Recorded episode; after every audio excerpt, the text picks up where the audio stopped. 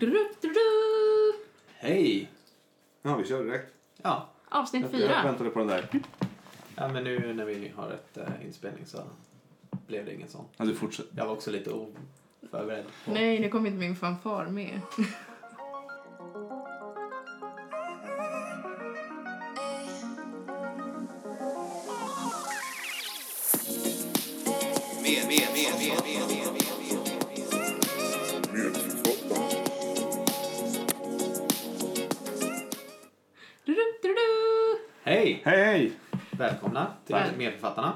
Avsnitt fyra. Mm. Det stämmer.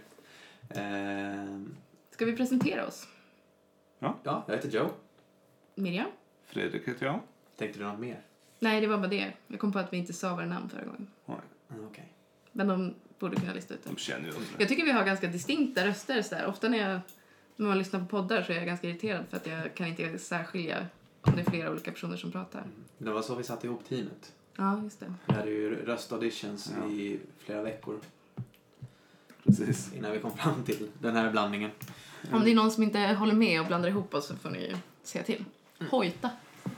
Ja, Men ehm, ska vi dra igång direkt? ja som vanligt. så. En gammal viktig studie, en ny och fräsch och en udda och rolig. Ja. Medicinsk litteratur.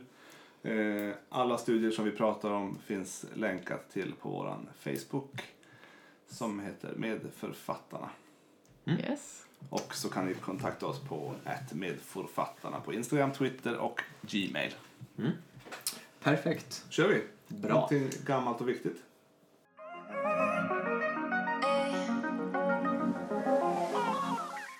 Gammalt och viktigt. Viktigt for all the wrong reasons. Mm. Här, eh, men ändå viktigt. Okej, Men det ska inte behöva vara viktigt. Det är gammalt och viktigt. Men det är tråkigt att det är viktigt. okej. Vad då för något? Eh, det här är en artikel av Andrew Wakefield. Oj. Mm. Där ja. Där Jag vill-. Ka- kalla kårarna. Slå på varningssignalerna redan nu. Ja. Jo, eh, ja. Andrew Wakefield, vad, vad, vad, vad tänkte du på? Varför?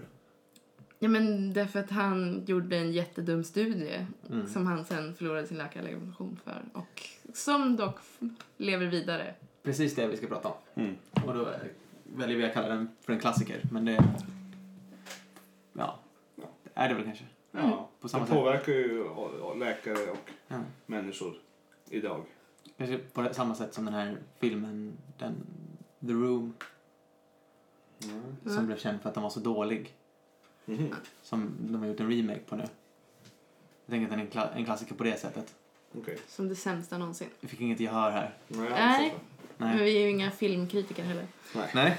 Men nu du ska- kanske ska droppa ämnet, ska vi det? Ja, det handlar alltså om eh, Andrew Wakefield 1998 i The Lancet.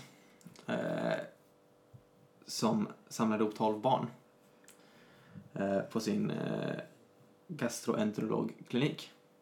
Mhm.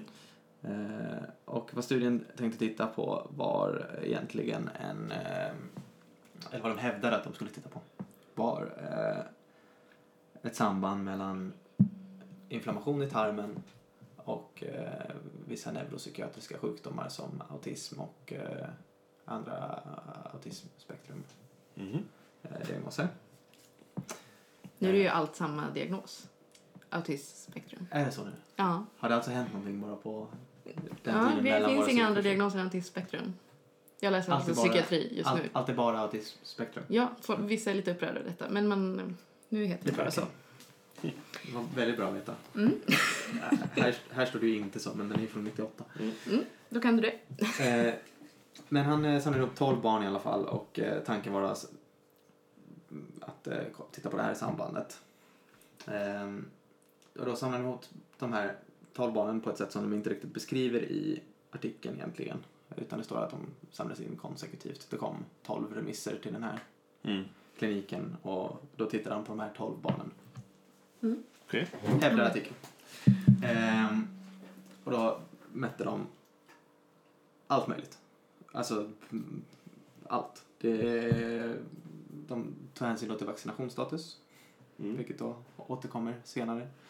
Eh, infektioner som de har haft. De gjorde koloskopier och tog eh, biopsier och video. De gjorde magnetröntgenundersökningar, EEG, eh, eh, lumbalpunktion, alltså stack i ryggen och jättemånga prover. Lite oklart Mm. varför de gjorde allt det här. Ehm, och så skulle de försöka hitta något samband då mellan egentligen den här eh, inflammationen i tarmen Mm. och eh, Autism. autism. Eller ja, bara autism. Eller. Precis. Bara, ja, De autism tittade liksom spektrum. inte på andra Jo. neuropsykiatriska diagnoser Det också? var autismspektrum. Bara? Mm. Det var inte liksom alla de andra neuropsykiatriska? Alltså, de beskriver det lite Ja, på det spelar olika kanske sätt. inte så stor roll. Jag bara snör in nu för att jag är här. Nej, de beskriver det på lite olika sätt. Alltså så här beteendestörningar också. här. Okej. Eh, och de här barnen hade sökt eh, för att de hade eh, diarré eh, eller matintoleranser eller kronisk smärta i Mm. magen. Och då tittar man på koloskopiresultaten och eh, man ser i biopsin att de flesta har någon typ av kolit. Mm. Eh, lite olika typer av kolit. Eh, om man värderar deras beteendestörningar och så frågar man alla de här grejerna eh, och, tycker sig finna ett samband mellan när barnen fick sin vaccination för eh, mässling, påssjuka och röda hund, Mm. MMR-vaccinet och när deras problem började med deras neuropsykiatriska problem Mm. eh, beteendeproblemen som de skriver i artikeln. Eh, och det sambandet de tycker sig se är egentligen att åtta föräldrapar till barnen tycker att det finns ett samband. Mm. Mm. Det är egentligen inte mer än så Okej. som är stödet för det. Utan ja, de frågar föräldrarna. Och åtta föräldrapar tycker att det finns ett samband mellan eh, Frågar de rakt ut? Tror ni att det finns tycker ni att det finns ett samband med vaccinationen? Eller Ehm, frågar de... De frågar ju om, jag tror att de frågar rakt ut, eller att föräldrarna säger det rakt ut. Ja. Mm. Men vilket, eh, I vilket land var det här? Storbritannien. Och jag förutsätter att i Storbritannien får man det här MMR-vaccinet som i Sverige. Man får det vid en viss... Precis, Alltså vid jag tror det är 18 15, månaders... I 15 Sverige får man det vid, då. Ja, men man får det, liksom- alla får det vid samma ålder. Mm. Mm. Och autismspektrumsjukdomarna. Det är, svår, det är svårt att se en, en autismspektrum kanske på en ettåring. Mm. Mm. För att ettåringar är inte så socialt eh, utvecklade ännu. Nej, Men däremot är det sant? Kanske på en två eller treåring så är det lite lättare att se. Okej. Mm. Men de, hade, de jämförde inte med någon annan. Så här, de här har inte fått vaccin och de här har fått De vaccin. jämförde ingenting utan det här var bara eh, liksom, det är ju som 12 en, fa- personer en, en falsk med en diagnos. Och de Ja, hade det- alla fått det. Okej. Mm. 12 barn. Eh, 12 barn det är inte jättestark. Det är väldigt få. Mm. Väldigt få barn. Och vad hände sen? Ja. Ja, det är väldigt få barn och eh, det är ju ganska, ett ganska skakigt sätt att värdera det här sambandet också. Mm. Men är det här liksom den studien Det är den studien. som nu alla grundar allting på? Ja, den, vi kommer att prata om det också. Okej, Att, förlåt. eh, vad, vad det, det, det här ledde till. Mm. Men jag tänkte att vi ska dissekera den lite grann. Mm. Recall bias är ju en grej man pratar om i epidemi- epidemiologiska studier. Okej. Eh, som är ett systematiskt fel som alla gör. Att när man ska tänka tillbaka på någonting. Eh, dels att det är svårt att minnas men också att det, man kan ju hitta samband som är... Man kopplar ihop saker Ja. som Mm. inte... Det finns något känt exempel tydligen med eh, om man frågar eh, en grupp patienter som har fått bröstcancer och en patient, grupp patienter som inte har fått bröstcancer eh, om eh, p-piller Mm. som kan vara kopplat till bröstcancer Mm. som liksom har skrivits om i media så är det mycket vanligare att de patienterna som har, som har bröstcancer liksom tycker sig minnas att jo men jag tog p-piller Mm. då eller ja, det var nog när jag började med p-piller, det var nog ungefär då. Mm. Mm. Ehm, så det är ju väldigt skakig grund även här i att Men så hänger re, ihop med- redan innan den här studien så fanns det så trodde man alltså att... eh, Det fanns andra artiklar som liksom hade hittat någon Ja, lite så föräldrarna kan, kan ha blivit påverkade av att man trodde Ja. att... Ja, Och det fanns folk som var emot. MMR. Ja, det, det hade funnits några fall i eh, media med folk som hade fått alltså, kända biverkningar Ja. till MMR-vaccinet. Mm. Ehm, som säkert hade färgat liksom hela klimatet lite grann. Ehm, och ehm, ja, den här den publicerades i Lancet, en jättestor Mm. eh, tidskrift. verkligen. Eh, 98. Ehm, men det känns som att den liksom slog eh, ordentligt 2002. Mhm. Eh, blev det jättestor eh, För att? eh, debatt kring det här. Lite oklart varför det var just då. Ja, okej, det bara blossade upp. Ja. Och då fanns den här att skylla på. Mm. Eller ja, den här, eller, den här fanns liksom att använda. Mm. Ehm, Men det är ju jättekonstigt för att alla, de har ju bara tagit 12 barn och alla barn är vaccinerade. mm. Och så bara, ja det är därför. Mm. Ja, ja, och eh, det är bara baserat på liksom att föräldrarna har sagt att det var ungefär då Mm. som Ja. symptomen började. När de fick vaccinet. Ja. Och det är ju lite svårt att se dem på egentligen. Än, Ja, ja, ju ja. omöjligt, 15 tror jag. månader, Ja, eller? Det är väl då man jag vet inte, du upptäcka. har kanske bättre koll på hur Ja, sociala men- 15 månaders är. Men Ja, jag har svårt att minnas själv. Det är klart att man kan... Någon gång då kanske man kan börja se autism, liksom tecken till att de inte har ögonkontakt eller Mm. eh, lite så. Social, Att de inte beter sig som andra so socialt. Mm. Men eh, före det så är det ju väldigt... Alltså, Ja. Det kanske man ja, kanske Men det kanske bara är en naturlig också. deb- debuttid också i och för sig. Mm. Så då Ja, blir det Eller när man upptäcker det. Ja, nej, Ja. det, det, Och sen är det ju klart när det händer något sånt att man vill hitta något. Då går man igenom någon allting, så här, det. vad- Det är ju varför inte- Det är ju kan- inte det att man eh, inte förstår Nej. det. Men Nej, det är ju men inte även- tillräckligt att grunda en vetenskaplig Men studie även på. små Nej. barn som under ett år har man ju liksom tydliga ögonkontakt och svarsleenden och allt Mm. sånt där. Mm. Det kanske man inte har på ett autistiskt barn, det, det vet jag faktiskt inte. Men om man bara tittar på vaccinationstäckningen i... eh, För den här slog 2002 som sagt. Mm. Men vaccinationstäckningen eh, 96 eh, i Storbritannien Mm. var 92 procent för MMR, Ja. mässling, eh, påssjuka och röda hund. 2002 var den 84 procent. Oj. 2003 var den 61 procent. 61 Ja. jävla procent. ja.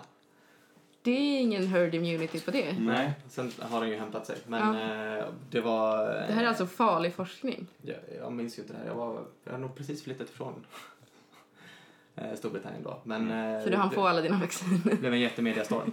Tony Blair blev liksom aggressivt utfrågad om han vaccinerade sina barn Mhm. eh, av journalister. Eh, så det var verkligen superhetsk stämning. Men 2002 kom det också, oklart vad den här gjorde för mediedebatten, men det kom också en väldigt stor populationsbaserad studie en, som inkluderar alla barn i Danmark. Mm. 90, 1991 till 1998. Vilket är fler än 12. Mhm. Mm. Det hade gjorts några liksom, studier däremellan också som inte hade sett något samband mellan eh, MMR-vaccinet och autism. Eh, eller autismspektrumstörningar. Eh, men om, genom att använda diagnosregister och vaccinationsdata som de hade Mm. i massor i Danmark eh, så jämförde de vaccinerade i landet och ovaccinerade i landet i en enorm studie. Det är över, över 500 Mm. 000 Mm. eh, deltagare. Och liksom, den, här, den har ju verkligen tillräckligt med stat- statistic power. Mm. Alltså den, har, den, är, den är tillräckligt stor för att om det finns en effekt Så ska den hitta den. så syns den nu. Mm. Mm. Eh, och där var det ingen effekt. Ingen förhöjd risk för autism bland de som eh, vaccinerades. Och, och det här har ju såklart liksom upprepats efter det också. Det är ju stora metaanalyser eh, med då 14 miljoner observationer. Mm. Såklart Mm. när man slår ihop i en metaanalys massor av studier Mm. så finns det ju en med 14 miljoner observationer Mm. som fortfarande säger att det finns, finns inget samband där.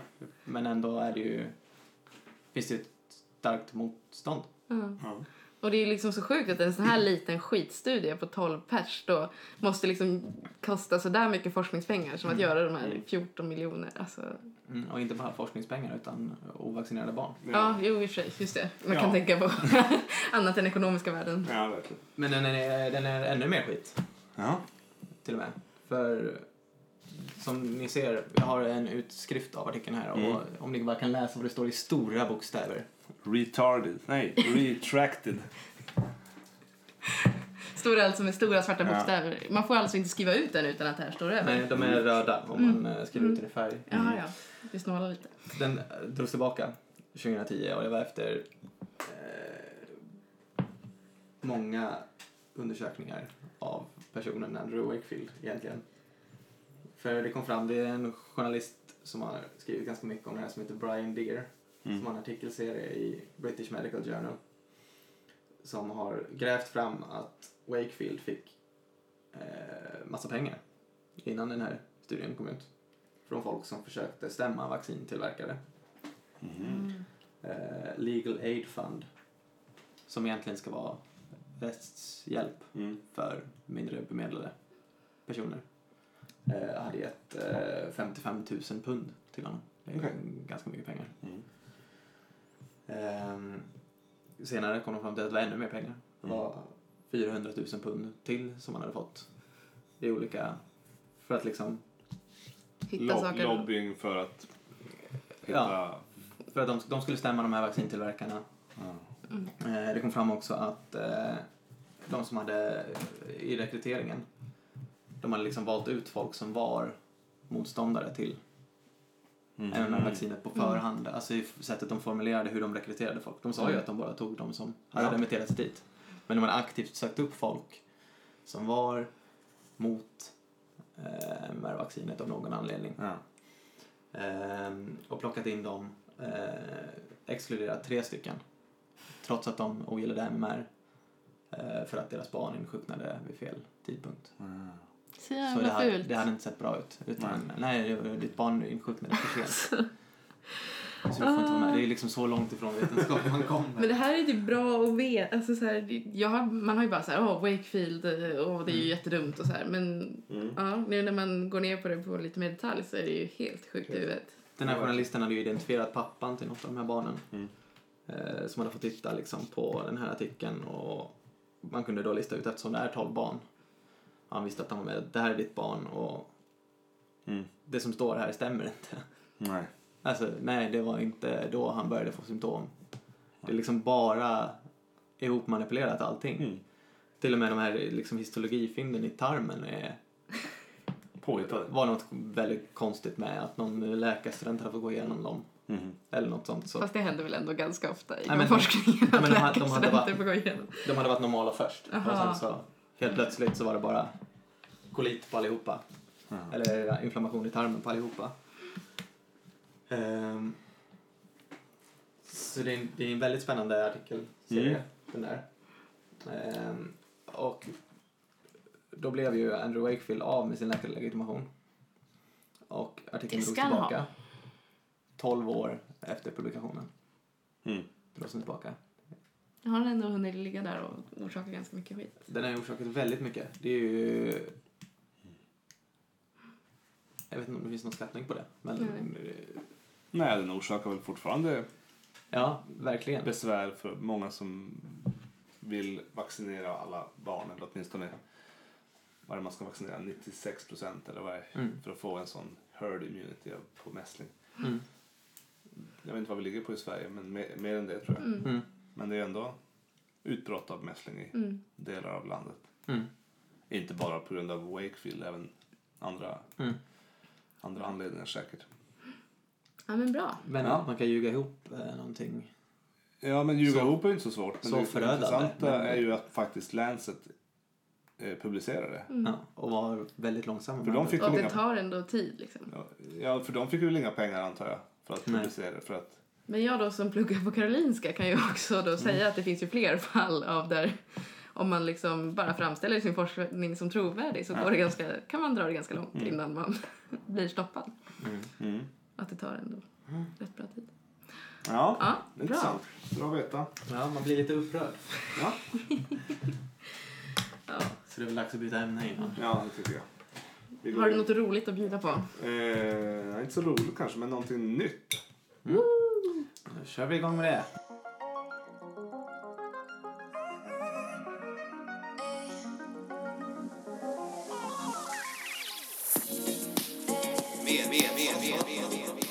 Ja, då är det dags för någonting lite nytt. Fresh. Yes, fresh off the presses. Och jag tänkte börja med en fråga till er. Vilken är den vanligaste tumörsjukdomen hos barn? Vet ni det? Lymf- leukemi. Mm, vilken? Akut eh, Lymfatisk. lym- lymfatisk. Ja, ALL. Jag har inte släppt barnkursen. Nej, och du kan redan detta. Oj, oj, oj. ALL eh, är den vanligaste tumörsjukdomen hos barn.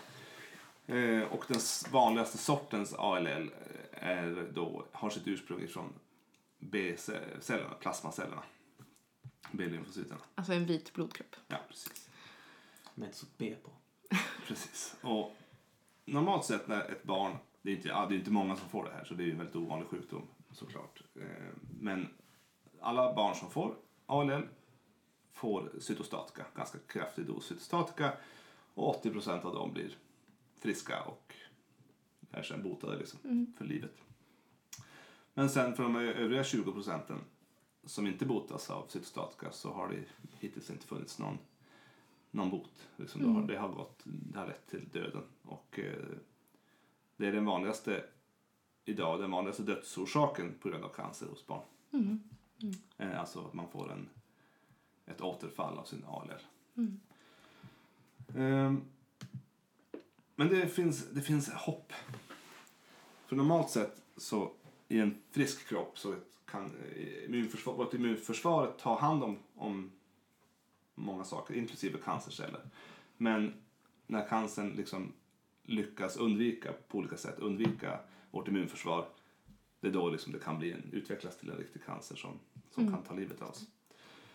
Och eh, de, eh, normalt sett när det kommer en cancercell eller andra celler som andra antigen i kroppen så tar då våra T-celler, en sorts immunceller, tar hand om dem. De upptäcker dem och eh, har ihjäl dem.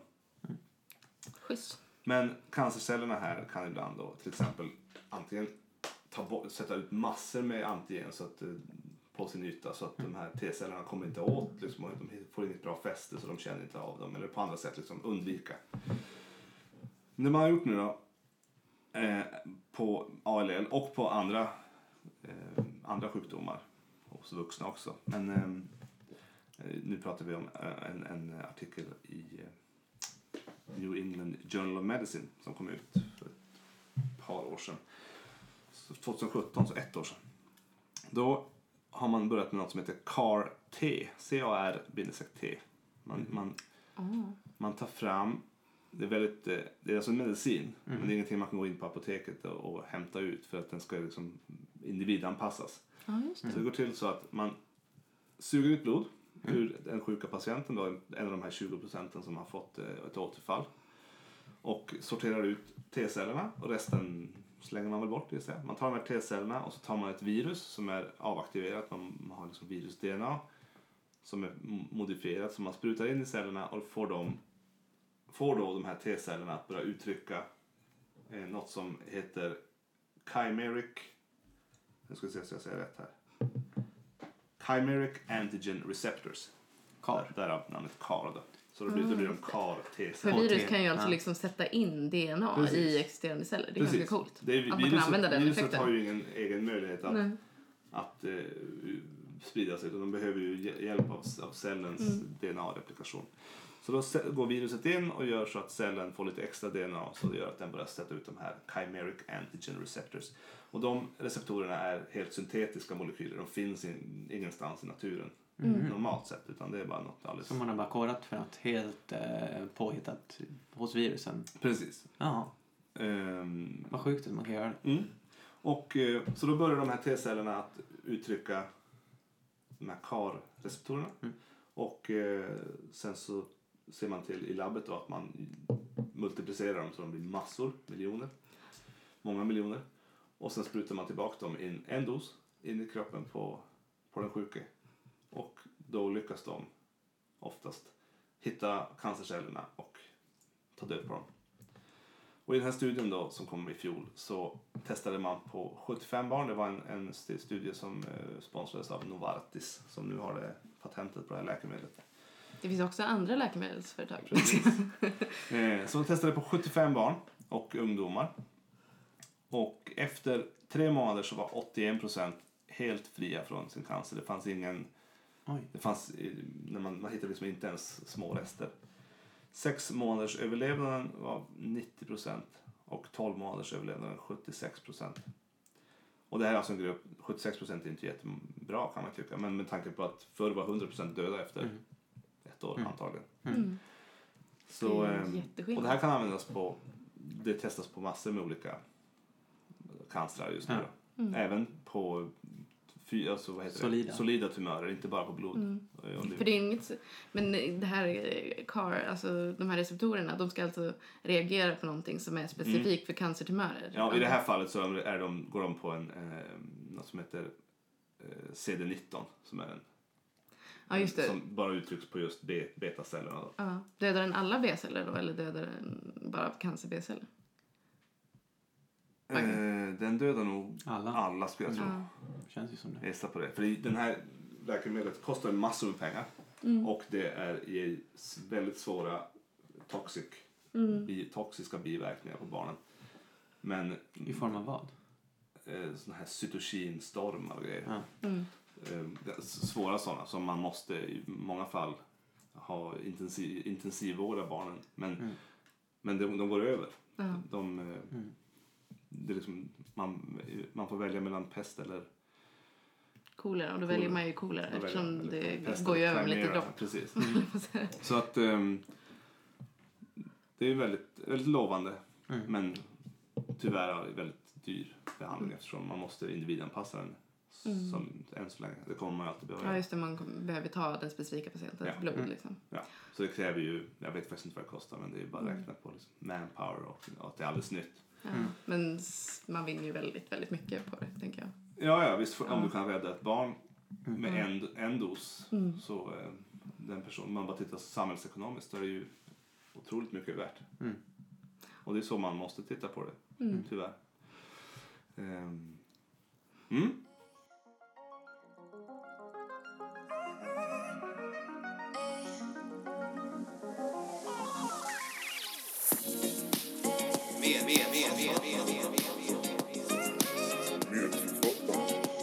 Så det är CAR-T är något att hålla ögonen, efter, ögonen på i framtiden. Ja. Det kommer komma på, på andra, som sagt, andra sjukdomar också. Ja. Känns stort. Mm. ja, väldigt spännande. Ja. Mm. Coolt. Ska vi lätta upp stämningen här på slutet? Nu har vi Ja. Pratat men det- om sjuka barn här. Ja. Jag tänkte ta något lite mer Det var lättsamt. mycket, precis, mycket sjuka barn i det Ja. här avsnittet. Och från barn så tänkte jag att man kommer ju då... Vad heter det? Oönsökt. O- osökt. Osökt. Klockan är mycket på kvällen, därav mitt begränsade ordförråd. Eh, Kommer man då osökt in på glass. Mm. Och jag tänker alltså ta upp en tråd från avsnitt två. Brain freeze. Jajamän. Yeah. Joe lovade ju att han skulle ta upp det, men jag snodde hans artikel här. Ja, kul. Den här artikeln heter alltså Headache attributed to... Nej, vänta nu. Det där var en annan grej. Den heter Experimental provocation of ice cream headache by ice cubes and ice water. Okej, så de ska testa ice cream headache med hjälp av isvatten. Ja. Och isbitar. Inte med ice cream. Det var Nej, anledningen till att det var svårt med glass just var att glass är ju liksom inte en homogen grej utan det finns ju väldigt många olika smaker och former och liksom eh, kemiska egenskaper hos glass. Det är väldigt svårt att ha en enhetligt grepp Mm. glass. Och ice cream headache är egentligen bara ett samlingsnamn då kanske. För... Ja, brain freeze, Brain låter, freeze. känns Ja. ju mer liksom Ja. pinpoint. Ja, och du, nu ska jag säga det här jag började säga. Det är alltså, det finns liksom ett samlingsnamn för det här som heter Headache attributed to ingestion, ingestion or inhalation of a cold stimulus. Mm. Förkortas HICS. Hicks. Så det är brain freeze egentligen då? Ja, Det är Hicks. HICS kan man säga om man vill låta lite mer Mm. professional. Ganska dålig förkortning för att koppla tillbaka till avsnitt ett. När vi kopplar tillbaka till avsnitt två. Ja. Men jag, man, man fattar vad de menar. Mm.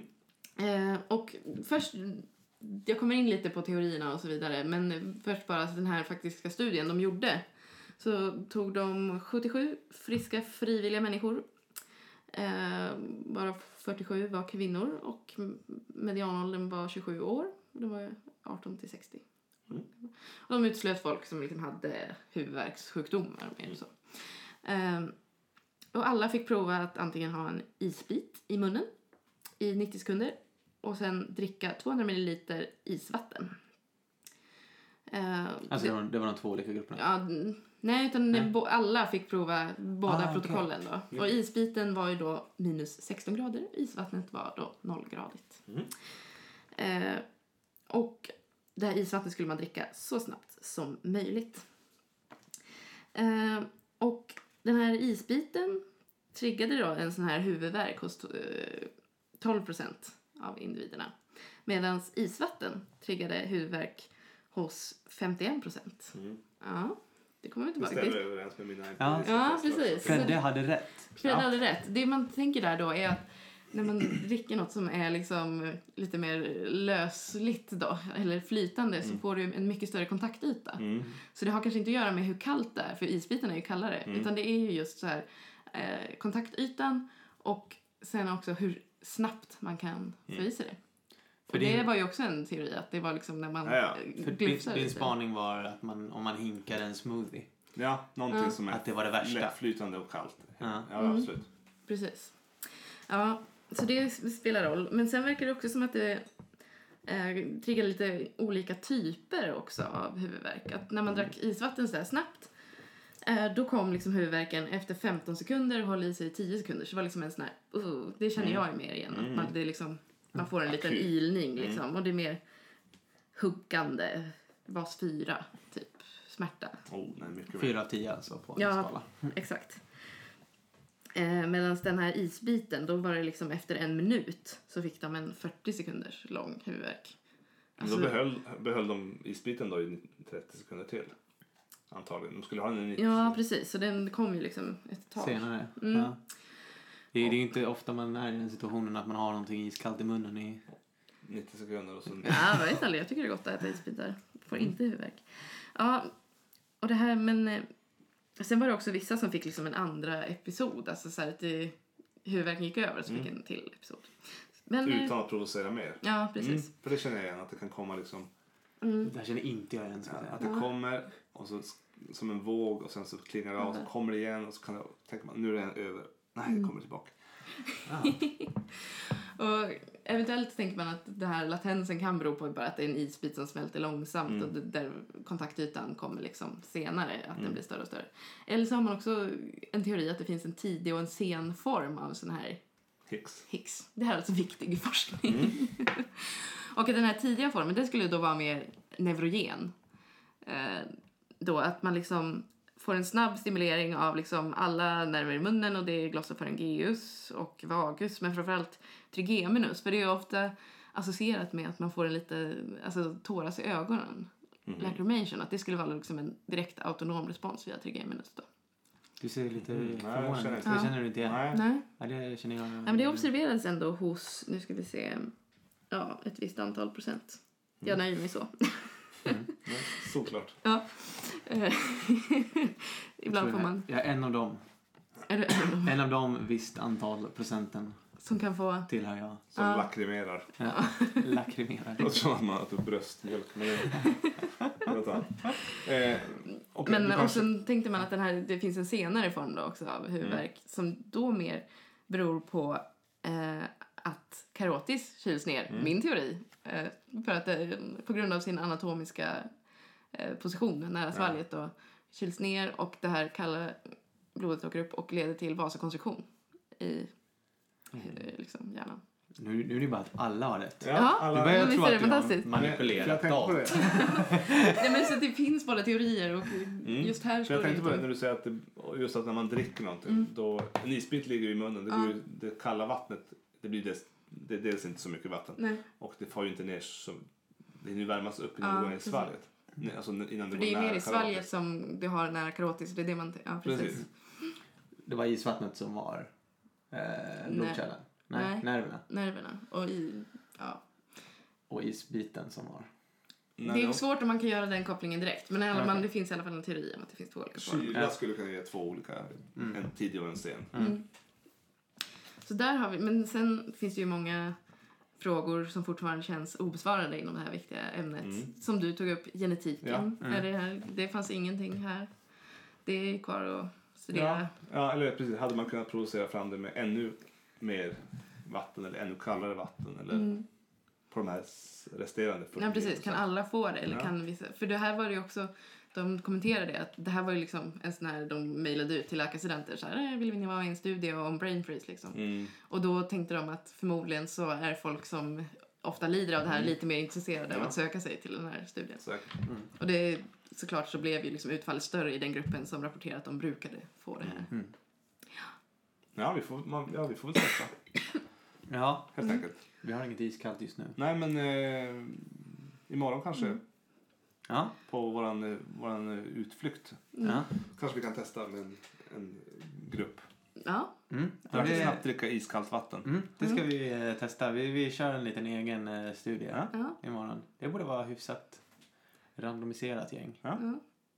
Men jag tycker Ja. just bara det är Ja, intressant det åtminstone ur här. brain Ja. freeze-synpunkt. Men- Ja, Ändå en ganska homogen grupp tror jag. Ja, det Ja. Men eh, just det här att också flytande form av kyla, varför det ger mer smärta tyckte jag var bra. Att, liksom, att det blir en mer direkt kontakt med Mm. stor yta och Mm. stora innovationsområden. Och jag menar, nerver reagerar ju på kyla, det är inte så Nej, nej, jättekonstigt. Men smärta kan man ju ha. Mm.